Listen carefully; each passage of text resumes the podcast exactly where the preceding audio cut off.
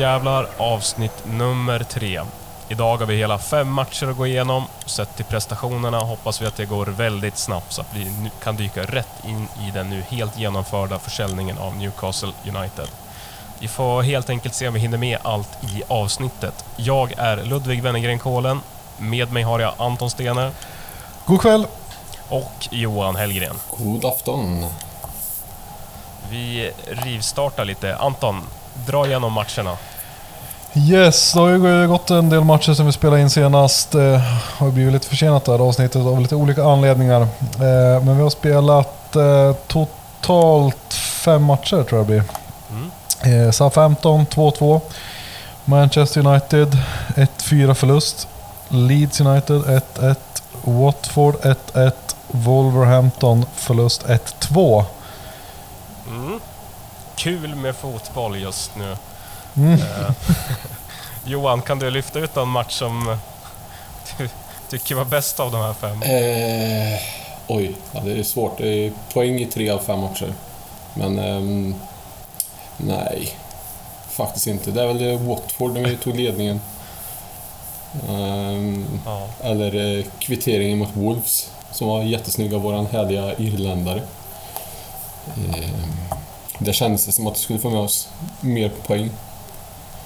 Annars så ser jag inga ljusglimtar alls i de senaste matcherna.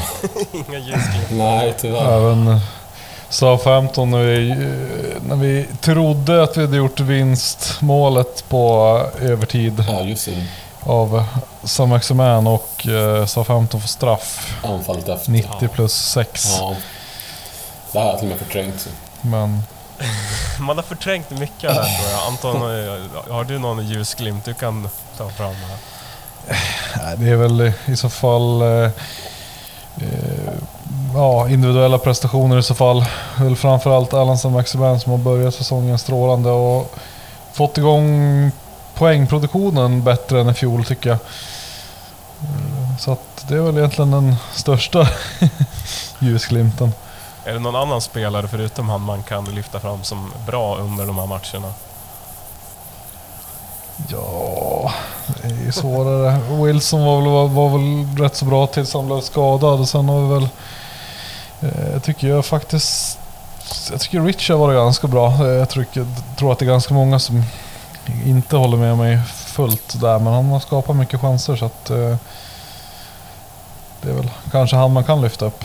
Ja, eller Mankio kan jag lyfta fram lite offensivt sett. Speciellt där mot United håller jag med. Eh, Fram, i den matchen. framförallt, vad man, Ja, beroende, framförallt med tanke på vad man förväntar sig av honom. ja, precis. Det är inte mycket. Nej. Tyvärr. Jag tycker Willock också varit bra fram tills Ja. eh, att han skadades. Vilken match var det i? Var det... Det var väl förra matchen var mot eh, Wolves va? Ja. Vart han väl utbytt och eh, man eh, satt och svor framför TVn att vi skulle behöva få in Henrik som man har är riktigt trött på. Sen så fick man ju äta upp det när han tryckte in eh, kvitteringsmålet där strax efter. Men eh, det Det gick räckte ganska ändå snabbt inte. han att göra mål va? Ja, jag tror att eh, han var inne i fem minuter ungefär. Ja. ja. Det är ju tungt. Eh, Jag vet inte om man bara ska glömma det som har varit och eh, blicka framåt. Eh, take over. Vart eh, börjar vi? Eh, någon av er som känner att ni kan dra en kort förklaring för våra lyssnare vad det är som har hänt? Johan kanske? Sugen? Eh, Anton ser bra sugen ut, så ta den du. Du får den. Det är lite komplicerat där. Ja, Var börjar man? ja men det... Hela historien började väl... Var det januari 2020? ja, någonstans. Ehm, och... Eh, hela, hela transfern, eh, hela takeovern blev väl blockad av... Jag tror att det är olika anledningar. Dels eh, har ju Saudiarabien, eh, om jag förstår det hela rätt, har de väl i princip piratstreamat eh, Bein Sports Premier League-sändningar eh, Eh, över hela landet i princip.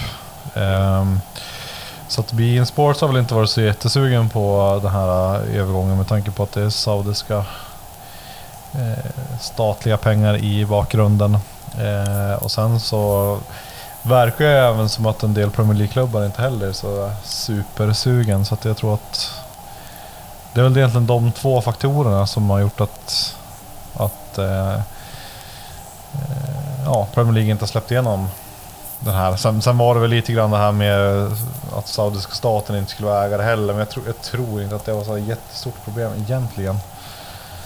Men först så nekades det och nu har det gått igenom. Vad är det som har ändrats? Är det TV-rättigheterna? Ja, dels har Saudiarabien löst det med Bein Sports, eh, hela TV-rättighetsgrejen. Sen har Premier League skrivit in någon eh, klausul också om att eh, om det visar sig att saudiska staten skulle vara ägare av klubben så eh, har, eh, har de rätt att diskvalificera Newcastle från spel i Premier League. Så det vet, som jag förstår det så är väl de två bitarna egentligen och det, jag tror att det är Bein Sports som är egentligen den största biten att lösa. Det är en av de TV-bolagen som betalar störst pengar till eh, Premier League. De har ju rättigheterna i egentligen hela Mellanöstern. Så det är Ja, enorma det är pengar några de pumpar in. tittare. Mm.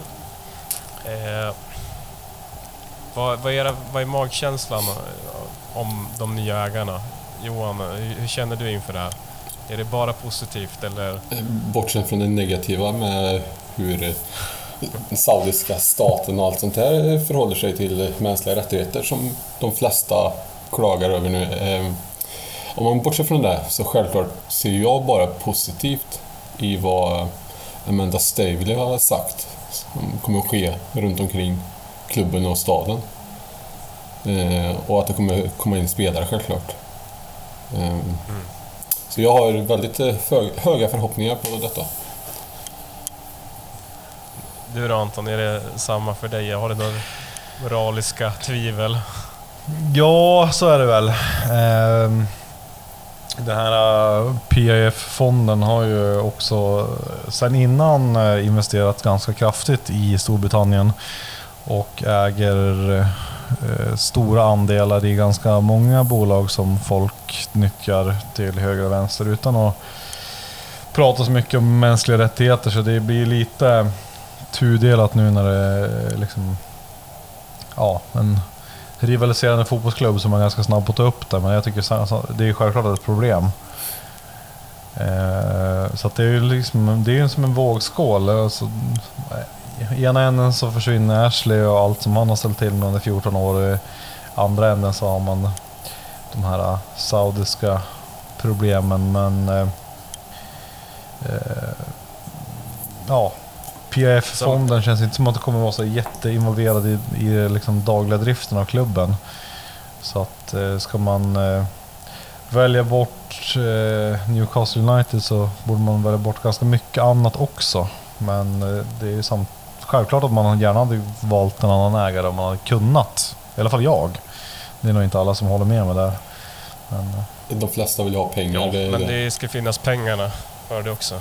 Precis. Men jag... Ja, som supporter kan man ju inte sitta och välja, välja och vraka.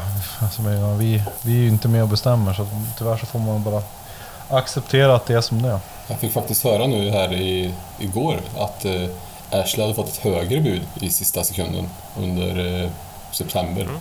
Som han nekade för att han ville Newcastle väl. Ja, det kan ju bara vara ett väldigt, väldigt löst rykte.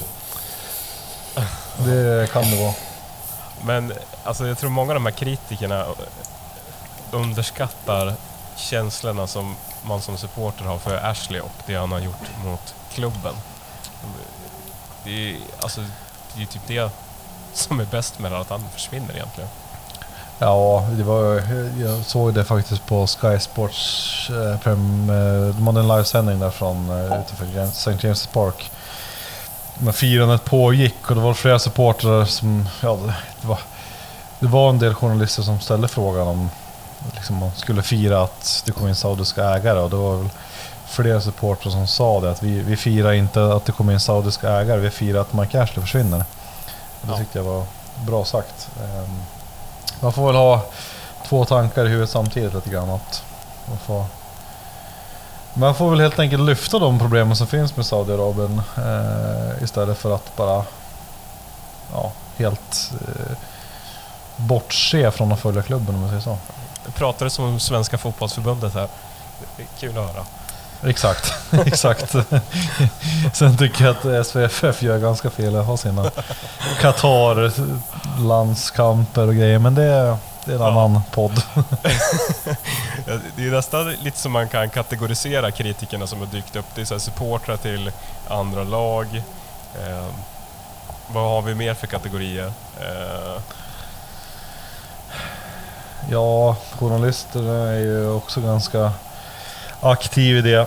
Ehm, och ja, även andra ägare till andra klubbar är ju, verkar ju vara väldigt skitnödiga just nu. Ja. Fan det uttrycket. Eh, sen så... Någonting man läst mycket i tidningarna de senaste dagarna det är ju att Newcastle skulle vara Premier Leagues rikaste klubb. Det, den, det, det har jag stört mig enormt på senaste dagarna. Jag tycker att det är ju rent av felaktigt. är det någon som vet Varför? vilket deg vi sitter på? Har du det i huvudet Johan? Alltså min tanke det är ju att vi lär väl ha samma pengar på kontot som innan. Precis. Men det är klart att pumpar den här fonden in pengar så blir vi rikare. Men innan de har gjort det så har vi ju lika mycket pengar som innan. De har ju, vad det har sagts nu i januari när det började här förra året så sades det att det var 320 biljoner, nu vet jag inte om det är pund eller om det är dollar eller om det är kronor. Gissningsvis pund. Ehm, och det är alltså deras, oms- eller inte omsättning, men deras förmögenhet. Och så jämförde det med Sheikh Mansour i PSG och det var väl ja, en bråkdel av vad PIF hade då. Så det är inte vad vi har för pengar. Men ja, det är galet. Det är. Eh, på tal om PSG, vad har vi för andra klubbar som har varit i ja, men liknande situationer som oss där det har kommit in en väldigt rik ägare? City, har City, Chelsea. Chelsea har ju... ehm, Leicester har bollats upp lite Ja, grann. de hade ju den thailändska ägaren, eller den har fortfarande. Inte, inte riktigt lika. Vichai. Vad, vad har vi haft för olika tidsperspektiv på de klubbarna innan man såg en förändring? City började väl, det var, tog väl fem eller sex år innan de vann första titeln om jag inte är helt fel ute.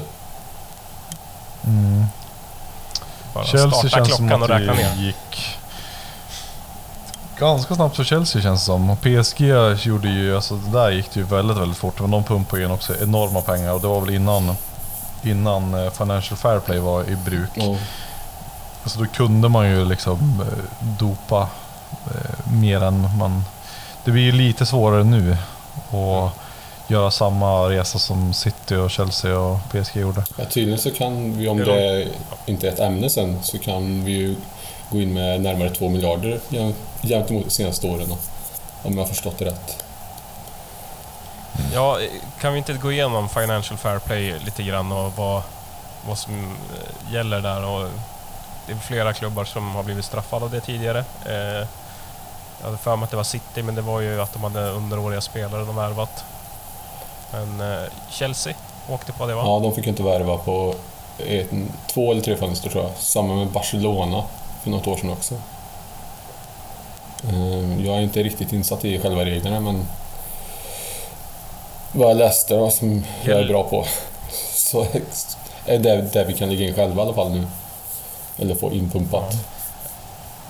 Gäller de här reglerna även nu under Corona-tiderna? Det har ju varit pausat under Corona. Eh, det lär nog, i och med att liksom publikintäkterna är, eh, det är liksom full publik nu i England, så misstänker jag att, och resten av Europa också, är det väl i princip inga restriktioner längre. Så jag misstänker att de kommer ta bort den här pausningen i eh, Financial Fair Play nu. Så att eh, det lär nog vara i, i bruk igen och det handlar egentligen om att man inte får ha allt för stora utgifter kontra intäkter. Förlusten får inte vara för stor. Sen går det att göra som City har gjort till exempel och runda det där lite grann. Att man anställer Mancini via eh, ett på ett konsultkontrakt via ett bolag i Qatar istället för genom klubben. Och det går ju att runda det där på många sätt men eh, följer man, följer man reglerna så ska man ju inte kunna gå med allt för mycket förlust helt enkelt per säsong. De tittar väl över, eh, om det är tre eller fem Mm. år tror jag. Ja, vi kanske återkommer lite mer till det där när vi pratar om drömvärvningarna längre fram. Vi har, ju, vi har fått sett lite av de personerna som går in i staben nu och eh, ska förvalta klubben. Magkänslor där. Johan, eh, vad tycker du om Amanda Stavely och vad heter Andra Merdad. Gudussi heter hennes man som är med i PCP... Eh, vad heter det? PCP... Ja, nu kan jag inte hela. Capital Partners. Precis. Som en av tre delägare då, tillsammans med PIF, Public Investment Fund och även RB Sports, det vill säga Ruben Brothers. I, som är de tre ägarna då. Men eh, Amanda och Merdad, jag ser ingenting negativt alls i där de har gått ut med hittills. Utan det som jag sa tidigare, de eh, vill klubben väl och även staden väl. Så det ska bli väldigt intressant att se vad som kommer hända. Ja, jag tycker Amanda Stavely ju, alltså alla intervjuer hon har gjort har ju varit klockrena. Jag tycker hon har sagt helt rätt saker. Hon verkar vara en väldigt, väldigt eh, lämplig person att driva den här klubben vidare. Hon har väl redan nu gjort fler intervjuer än vad Mike Ashley gjorde under sina 14 år. Precis. Eh, Det tog väl sju år tror jag innan han gjorde sin första intervju efter att han köpt klubben. Och det var ju när han stod i Sky Sports. eh, Det var ju när vi nästan på att åka ur. I, stod han i Sky Sports sändning efter en match och sa att han absolut inte skulle sälja klubben förrän eh, Newcastle hade vunnit, eh, vunnit några troféer. Eh, eller kvalificerat till Champions League. Eh, Ja. Det höll han ju inte riktigt. Han kommer i alla fall till. Europa League-spel då. Det var, Ja, det var det som gällde. Ja, det är väl inte illa ja, men de pratar mycket om hur de vill satsa och ta klubben framåt. Och det är mycket med akademin och stötta upp samhället och faciliteter som jag förstår det. Det känns ju helt rätt att få in lite mer egna produkter i leden. Ja, det har ju inte rosat marknaden de senaste åren, bortsett från bröderna Longstaff. Kan man väl säga. Ja, sen innan det är det väl Paul Dummett. De är inte helt fel ute. Andy Carroll hade det förra säsongen. Ja, precis. En återvändare. Inte glömma honom. 33 plus. Så, Kan vi kolla in lite snabbt på Matti Longstaff? Han är i Aberdeen just nu på lån. Eh, Någon som Yes. sitter på info hur det går där för han. Det känns ju som han borde vara stjärnspelare i laget. Starta alla matcher. Det är ju inte riktigt. Eh, jag såg senaste matchen han spelade mot Celtic. Där han eh, gjorde, eh, var ganska bra faktiskt. Men vart utbytt mot slutet. Sen har han spelat två matcher till. Från start. Utbytt ganska tidigt i de matcherna. Så att det är väl inte riktigt den här utlåningen man hade hoppats på. Där han får mycket mycket spel, men det, det är ju mycket kvar av säsongen så att... Det absolut Känns bli... det inte som man ska kunna gå in och ta en startplats där? Om man, alltså det är ett mittenlag i Skottland just nu. Och han Ja, kommer från en Premier League-klubb. Det känns inte superbra. nej, det är väl en... Eh, han borde ju gå in och spela där. Jag tycker han har gjort det... Han gjorde det ju bra i Newcastle. Eh, han tappade väl lite grann i slutet där eh, i prestationerna, men alltså, han har ju ändå levererat relativt bra på Premier League-nivå. Så att det är klart att han ska, ska ta en tröja i den eh, startelvan. Spelade ju bredvid eh, Scott Brown på centralt mittfält mot Celtic. Eh, Riktigt så han har en riktigt rutinerad lirare bredvid sig. Ja. Ska vi öppna shoppingpåsen och eh, få prata om något eh, som man inte gjort på 14 år? Eh, drömvärvningar. Man måste ju börja nosa i det där lite grann. Vad är det för typ av spelare man vill in och få in och eh, hur man vill få in dem. Eh, Har ni någon lista på spelare ni skulle vilja se i Newcastle? Bara eh, en dröm. Johan, vem ser du komma in i nästa fönster? Positionsmässigt så är det väl eh, högerback, ja även vänsterback. Ehm, och en central mittfältare skulle jag vilja se komma in. Ehm, Har du några, några namn du vill bolla upp? hade några som jag nämnt, men eh, det har kommit bort mig nu. Så. Men en Babu skulle jag faktiskt vilja se tillbaka till början. Eh, Kvick högerback. Mm. Det är ett namn. Ja, Jag har ju gjort en liten lista här faktiskt med... eh, Jag har ju signat ut centr- alltså, mittbacka som jag skulle vilja ha. Jag skulle vilja ha en riktig försvarsgeneral som går in och styr upp det här försvaret. Eh, Sells var väl våran försvarsgeneral, framförallt under Rafa Benitez tycker jag, men har lite tappat bort sig här. Eh, så jag skulle vilja ha en... Eh, hoppas att vi spelar fyrbackslinje här framöver så kanske man kan få in en, riktigt bra mittback bredvid Lasells som kan kanske höja Lasells prestationer lite grann också. Och jag har tagit fram fem namn som är eh, lite olika rimliga. Men eh, börja med ett namn som har ryktats ganska mycket om också. Det är James Tarkovsky från Burnley som en riktigt stabil Premier League mittback. Eh, som jag gärna hade kunnat sett i Newcastle. Eh, hans kontrakt går ut nu till sommaren. Så att det känns inte helt orimligt. Han är väl inte för gammal heller. Så. Eh, Även om det nej, inte... 28 bast är han, så att han är rutinerad men inte för gammal. Han har ju ändå säkert en 5-6 bra säsonger kvar i sig. Gör inte han lite mål ibland också? Jag har för mig att jag har haft Han- han i fantasy någon gång. Bra huvud, på huvudet faktiskt. Det, Ja. Sen har jag ett namn som... Eh, det är en spelare som eh, ja, kommer nog få nöta lite bänk nu här framöver om man inte byter klubb. Och det är ju eh, Victor Lindelöf som jag tycker är lite underskattad ändå i Manchester United. Har en känsla att han kanske kommer att vilja söka sig vidare nu när Varann mest troligt kommer göra så att de är petad. det vore faktiskt en fin spelare, även om man nog inte går för billiga pengar. Det är nog lite pengar som ska upp på bordet där för att få lösa honom, för de vill nog ha den här uh, backupen. Och så vill de ju, vill ju Lindelöf komma och eh, hänga med Emil Kraft. Det är ju garanterat. Flytta till eh, glammiga Newcastle. Jajamän. Tredje spelaren. Lite mer orimlig kanske, men nu höjer vi ambitionsnivån en aning och det är Milan Skriniar från Inter. Känns inte helt orimlig, men också så är det ju ett, i dagsläget ett ja, steg ner för Skriniar. Så det är frågan om hur, hur sugen han är på den värvningen själv.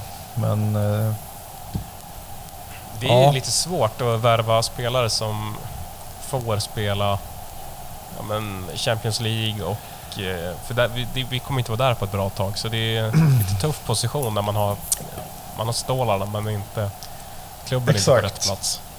Nej, det är ju frågan om han är så sugen på att byta, men han kanske älskar nordöstra England. Det vet jag inte. eh, fjärde namnet på listan. Jules Condé. Eh, Nej, nu får du uppdatera mig här. Ja, tillhör Sevilla, Eh, fransk landslagsspelare. Eh, Chelsea har jagat han under ganska lång tid. Och eh, har väl uttryckt att han är sugen på att spela Champions League, vilket han förvisso inte kommer att få göra i Newcastle just nu, men det är en spelare som eh, absolut eh, man skulle kunna bygga på långsiktigt. Han är bara 22 bast och riktigt, riktigt bra. Eh, Kontrakt i tre år till. Eh, känns som att det inte är den billigaste värvningen Nej, lyfter fram här. men eh, om man tittar på tidigare värvningar från La Liga så det är liksom inga miljardbelopp de lyfter riktigt än. Men det är ju Det är ju över halvmiljarden där är ju alla gånger. Att, eh. Sen har jag en sista spelare som kanske är minst trolig, men lite av en, lite av en drömvärvning kanske. Eh, då tänker jag ju riktig försvarsgeneral och det är Gerard Piqué som har behövt droppa ganska mycket lön nu i ett Barcelona med mycket ekonomiska problem. Så jag tror att Barcelona skulle absolut inte vara omöjligt på att släppa en stor lönepost. Eh, samtidigt som Piqué har uttryckt lite missnöje med att han eh, har behövt gått ner i lön. Så att han kan, kanske är sugen, men eh, det är frågan om eh, Newcastle kan locka honom just nu. Det är väl mindre sannolikt kanske. Och hans fru, tror att han vill bo, eller hon vill bo i det kalla Newcastle. Ja, det tror jag. Shakira. Jag tror att hon älskade Strawberry Pub. Man får lyfta fram det, det positiva. Det är utelivet. Eh, har ni något mer positivt så får lyfta fram det. Sitter du på något bra Johan? Nej, det var nog det enda. Kanske, vad heter det? Gångstråkarna, naturen. Ja. Ja, Jag har ju också funderat lite på... Alltså högerback, det är ju något man verkligen vill få in. Men jag har svårt att komma på någon högerback jag vill få in. Men det skulle definitivt vara något, en position som behöver förstärkas. Ja. Ja. Hela backlinjen skulle behöva förstärkas rakt igenom. Eh, titta på högerbackar så ser det ju väldigt svagt ut. Även fast Emil Kraft har varit bra i landslagen nu på slutet. Men jag tror inte att han är en spelare som kommer lyfta Newcastle till nya höjder. Mittbackarna, vi har ganska många mittbackar men det är ju skador konstant. Och det är, I princip alla mittbackar har ju tappat i prestationer sedan Rafa lämnade tycker jag. Och även vänsterbackarna, Jamal Lewis har inte levererat. Det är väl Matt Ritchie i så fall, men då är det ju fem back som gäller nästan om Matt Ritchie ska spela. Det, Jag har ju en liten lista på spelare jag tyckt eh, det hade varit både kul och eh, nyttigt att få in i truppen. Och det går från ja, kanske rimligt till orimligt. Eh, Ramos tror jag vore en bra förstärkning. Jag såg att han ville lämna PSG redan. Men eh, han har ju skadebekymmer och man kanske inte vill ta in en till spelare som är skadad. Men jag tror ändå det skulle kunna vara någonting.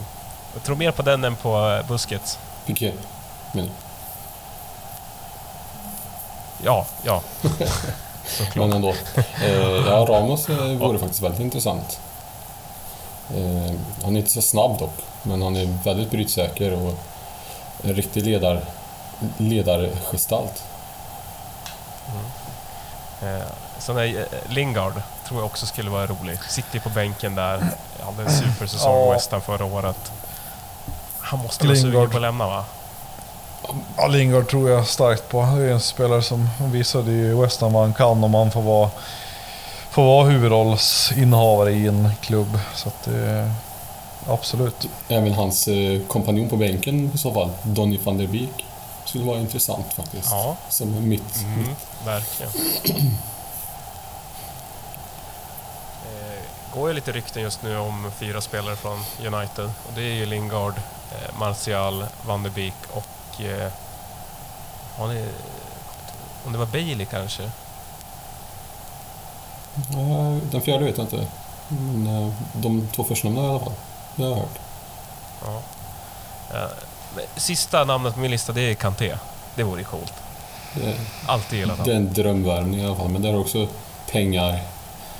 Visst, det är 30 plus på honom han ligger i, men... eh, Ja, Och tjänar nog bra, spelar Champions League precis. och så vidare. Men eh, det är absolut en... Ja, men jag, man skulle vilja ha ett, ett... Jag skulle vilja ha en stark central linje. Stark, starka mittbackar, starkt centralt mittfält. Och sen får man bygga från det. Mm. Förstärka kanterna. Tror ni att det blir någon typ av profilvärvning eller kommer man börja ganska lättsamt? Nu gäller, Tar vi in Haaland för två miljarder? nu gäller det mest att eh, rädda kvar laget till nästa säsong. Det är ju som sagt några matcher dit innan januari fönstret öppnar så... Får- Anton har ju varit inne på free agent-spåret. Är det något du tror på? Ja, förlåt. Jag trodde till Ant, förlåt där. Eh, jag vet inga Anton har spelare pratat alls mycket om det, att värva in eh, spelare utan kontrakt. Ja, det är ju självklart eh, en grej att göra, men frågan är kvaliteten på det. Och kan det rädda oss eh, fram till januari, så varför inte?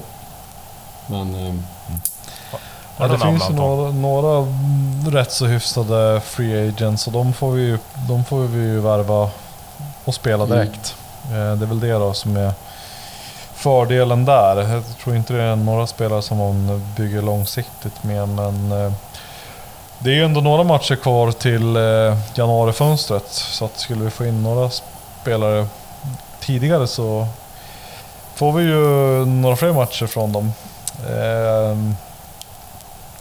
Vi har ju en gammal Newcastle-bekanting i hatten Ben Arfa. Kanske inte någon som de är så sugen på att plocka in. Men eh, vi har ju Jack Wilshere, Mangala som tidigare var i City. Vi har eh, Maikon, Nabil Bentaleb. Eh, Diame som också var i Newcastle tidigare. Inte heller kanske så intressant. Dani Alves som vi ska prata högerbacka. vilka unga spelare också. Ja. framtidsnamn. Eh, De flesta där är ju, är ju ganska så gamla. Nabil Bentaleb på 26 bast. Ja, Eh, var väl ändå helt okej i Newcastle. men tvärtom det. det kanske inte är så stor förstärkning. Nej, det är ingen jag skulle vilja se komma in tyvärr. I så fall är väl Alves en. Men då har vi ju liknande spelare. Han är väl inte lika... Eller han är väl lika mindre bra i det defensiva som de andra två högerbackarna vi har. Eh, man är lite mer spetsigare framåt. Ja. Jag tror inte det blir någon sån här äh, riktig profilvärvning nu i januari. Jag tror att kanske med Newcastle mått mätt profilvärvning. Eh, någon... Ja. Lingard hade väl i princip varit en profilvärvning i Newcastle mått. Men eh, jag tror inte man riktigt kommer vara och plocka från den högsta hyllan. Jag tror inte man kan göra det än heller. Eh, man måste nog ha ett bättre bättre trupp och spela Champions League och visa att man kan vara med och slåss eh, om titlar och så vidare innan de här bästa spelarna är sugen på att hoppa på tåget. Ja, verkligen. Eh, svårt att... Det är ja, stängt fönster och alla free agents är knappt förstärkningar. Men något som vi kan göra för att få en kanske omedelbar effekt, det är ju att se över tränarsituationen.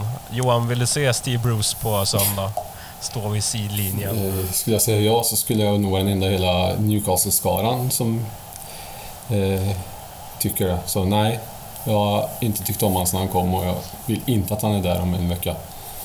Utan jag hoppas att han... Du kanske till och med du kanske hade blivit utesluten från Swedish Magpies Ja, mitt ja. ordförandeskap är nog borta. Även fast ordförande. Det, det, jag avsatts nog på rak arm där faktiskt. Så nej, jag hoppas att det är i alla fall Graham Jones själv som har ansvaret till söndagens match. Om ingen annan tränare kommer in tills dess. Men det tror jag är för tajt in på. Så Det gick ju lite rykten här bara för någon timme sedan att eh, det blir precis som du gissar på här, att det är Graham Jones som kommer stå vid sidlinjen och att Steve Bruce har packat väskorna. det, det har han nog redan, bara att det inte har kommit ut än. Så ja, hoppas går ju. Ja, det var ju... The Chronicle gick ut och sa här tidigare att det var... Eh, Graham Jones skulle vara, eh, ta över tränarrollen här under en tid.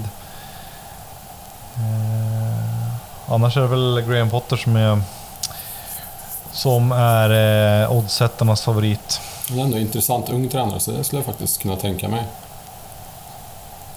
Då får vi in en svensk till också i stabben. Alltså under honom. är väl gammal polare med Graham Jones också, Potter? Ja, det var ju Graham Jones som tipsade den numera ganska kontroversiella Daniel Kindberg om Graham Potter. Eh, Graham Jones och Daniel Kindberg har en, en liten relation eh, och det var han som sa till Kindberg att eh, Potter ska du ha. Eh, så att de känner varandra sedan tidigare. Så det är inte omöjligt att Graham Jones blir kvar i staben i så fall om Potter kommer in. Är Potter eran... Den ni hoppas på, eller har ni någon annan ni hellre ser? Jag är lite sugen på Conte. Han gjorde helt okej i Chelsea.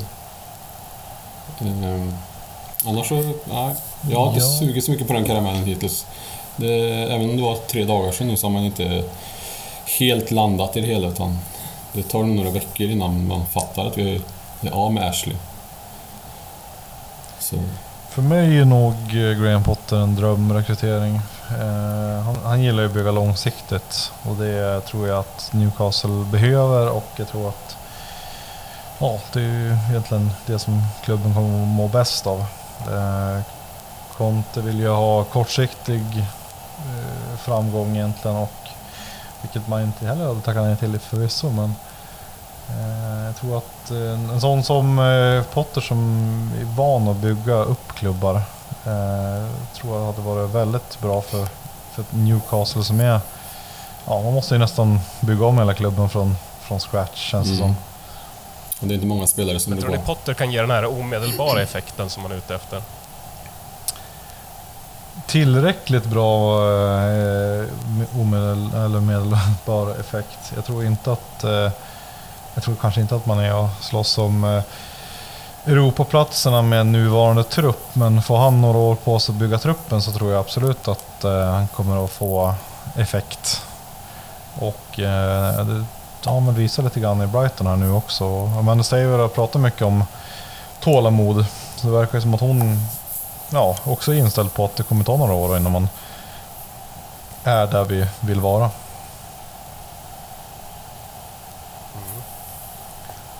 Ja, jag tror det blir någon tråkig. Det blir Zidane. Eller Kiki igen. Någon att mellanlanda med innan man går på den långsiktiga lösningen. Jag hoppas de går på John Carver. Han har ju sagt själv att han är Premier Leagues bästa manager. Så att det vore dumt att gå på någon annan. Jag, jag hoppas på att Grim Jones är kvar i alla fall säsongen ut. Och ge han en chans. Ja, Jag tror faktiskt på honom. Så blir det ingen ny tränare utan då får det bli Graham. känns som spelarna har stort förtroende för honom Ja, också. det har vi sett under matcherna när de tillkallar spelare på linjen där att de pratar hellre med Graham än med Steve. Så man ser ju vart förtroendet. Känslan är ju att skulle, skulle Bruce få kicken nu och vi börjar få lite bra resultat med oss, då känns det ju som ganska onödigt att, att ta- in en ny tränare. Då kan man väl ge Graham Jones chansen och visa vad han Mm. går för. Och eh, även förstärka laget lite i januari och liksom ge honom lite förutsättningar och visa vad han går för. Han är ju från Newcastle, Graham Jones, så det känns ju... mm, Ja, det, hon har ju pratat mycket om lokal förankring i laget också, Amanda Staveley, så det känns ju som att det, det går i linje med vad hon har pratat om tidigare. Ja, det är spännande tider som väntar och vi kommer nog återkomma till både tränarfrågan och till spelarvärvningar. Men jag tänkte att vi ska kolla en kort bit framåt. Eh, söndag, match mot Tottenham. Eh, vi tror inte att Bruce är kvar. Jones står där, men eh, hur tror ni matchen går? Hemma på ett kokande St. James. Det finns ju inte en bättre inramning för vad som ska kunna väntas ske. Eh, eh, Det är inte helt omöjligt med tre poäng. Det är det inte. För Wilson är ju tillbaka till träning. Så han lär de säkert starta med, hoppas jag. Om han är helt återställd så. Eh, Dubravka kanske är tillbaka också till den matchen. Jag har inte läst så mycket om det men... Eh, nej, jag, minst en pinne tar vi. Spurs har ju kommit lite på dekis trots att de vann senast. Med lite hjälp av ett självmål så... Ah. Nej, jag, en poäng säger jag. hade ju även en stor vinst i eh, Conference League mot ett slovakiskt, eh, slovenskt till och med, mittengäng Ja, det, pekar Ja, på. Det är inte helt lätt att skilja på Slovakien och Slovenien alltså. det krävdes tre byten och halvtid för dem också. Satt in Harry Kane och de andra storpjäserna fram till. Så, ja, nej. Det känns ju i alla fall som ett bra läge att möta Tottenham som har ganska svajig Mm. form. Ehm, Framförallt en Harry Kane som inte har Han ser inte ens ut som skuggan av sig själv den här säsongen. Eh, Det känns som att det kan ge, skulle kunna ge en jäkla boost till spelarna det här. Liksom. Att, med all positivitet runt klubben, firandet av fansen, slutsåld St. James Park. Eh, Jag tror att uh, War Flag skulle vara tillbaka med uh, tifon och grejer i matchen. Och, så att, eh, det skulle kunna bli ett jäkla uppsving Mm. faktiskt. Eh, skulle inte få någon de skulle faktiskt kunna gå och ta en seger. Men det är väl kanske inte vad man förväntar sig, men Kan hoppas på det. Vi kanske inte behöver gå igenom hela startelvan som vi tror, men är det några övriga förändringar i den ni skulle vilja se? Förutom kanske just Wilson som vi har pratat om. Är det någon annan position som vi hoppas förändras? ehm, Det är Willock, jag vet inte vad läget är honom. nej. Dålig koll på Willock Jag faktiskt. tror han var tillbaka till träning, men jag ska inte lova någonting på den delen. Men jag ser gärna att han spelar nästa match, om han är pigg också. Eh, nu kommer inte jag ihåg senaste matchens startelva, så jag vågar inte säga någonting om den. Men Skär vill jag helst ha in på mittbacken bredvid Fernandes. Lascelles, han behöver ha en nytändning på något sätt. Eh, Mm. Han har gjort för många misstag. Det var ju Kieran Clark som startade med Fernandes Ja, sist. ser. så då får du peta han. Clark är väl inte heller den eh, starkaste favoriten för mig, utan jag rankar nog Fernandes och Skär Nej. Som mittlås. Joel Linton-gubben då, är han med på plan? Han har ju en ny frisyr nu såg jag, så eh, alla Hoffenheim-style tydligen. Så kanske en ny tärning för honom med ett nytt hår. Om han får spela på kanten också Ja, då, fan, och inte vara central. Får han spela på kanten så då är jag inte helt emot den tanken. Men det blir svårt när Wilson ska in också. Då eh, ska Stan Maximan som spelade på topp senast, ska han kanske flytta ner lite längre bak i banan. Wilson spjutspets. Eh, Ska få plats med Almiron där. Eh, Ja, det kan bli tufft för Joel Linton men Samtidigt, jag menar tidigare så känns det som att man har ju tvingat in Joel Linton för att han har den prislappen på sig och eh, eh, Mike Ashley, jag höll nästan på att glömma bort hans namn, vad skönt det var. att Man nästan har börjat glömt bort den. Eh, har, har ju såklart velat ha tillbaka den investeringen. Nu med nya ägare så kanske man inte har den pressen på sig att man måste, måste spela Joel Linton varje match. Eh, de kanske är beredda att ta den förlusten. Ja, jo det... Kanske blir lite mer fokus på att ta med de som faktiskt levererar på plan. Eh, han har ju varit helt okej på kanten, men jag offrar ju hellre han och eh, om Wilson är tillbaks till exempel.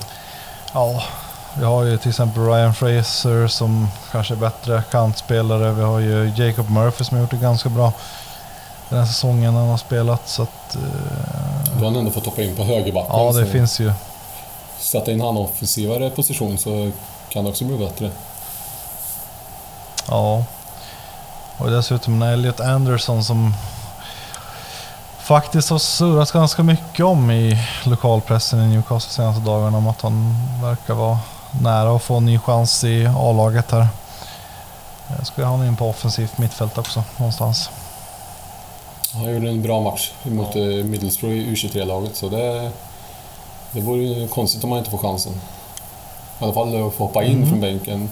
Kanske inte mot Spurs, men eh, nu i framtiden i alla fall.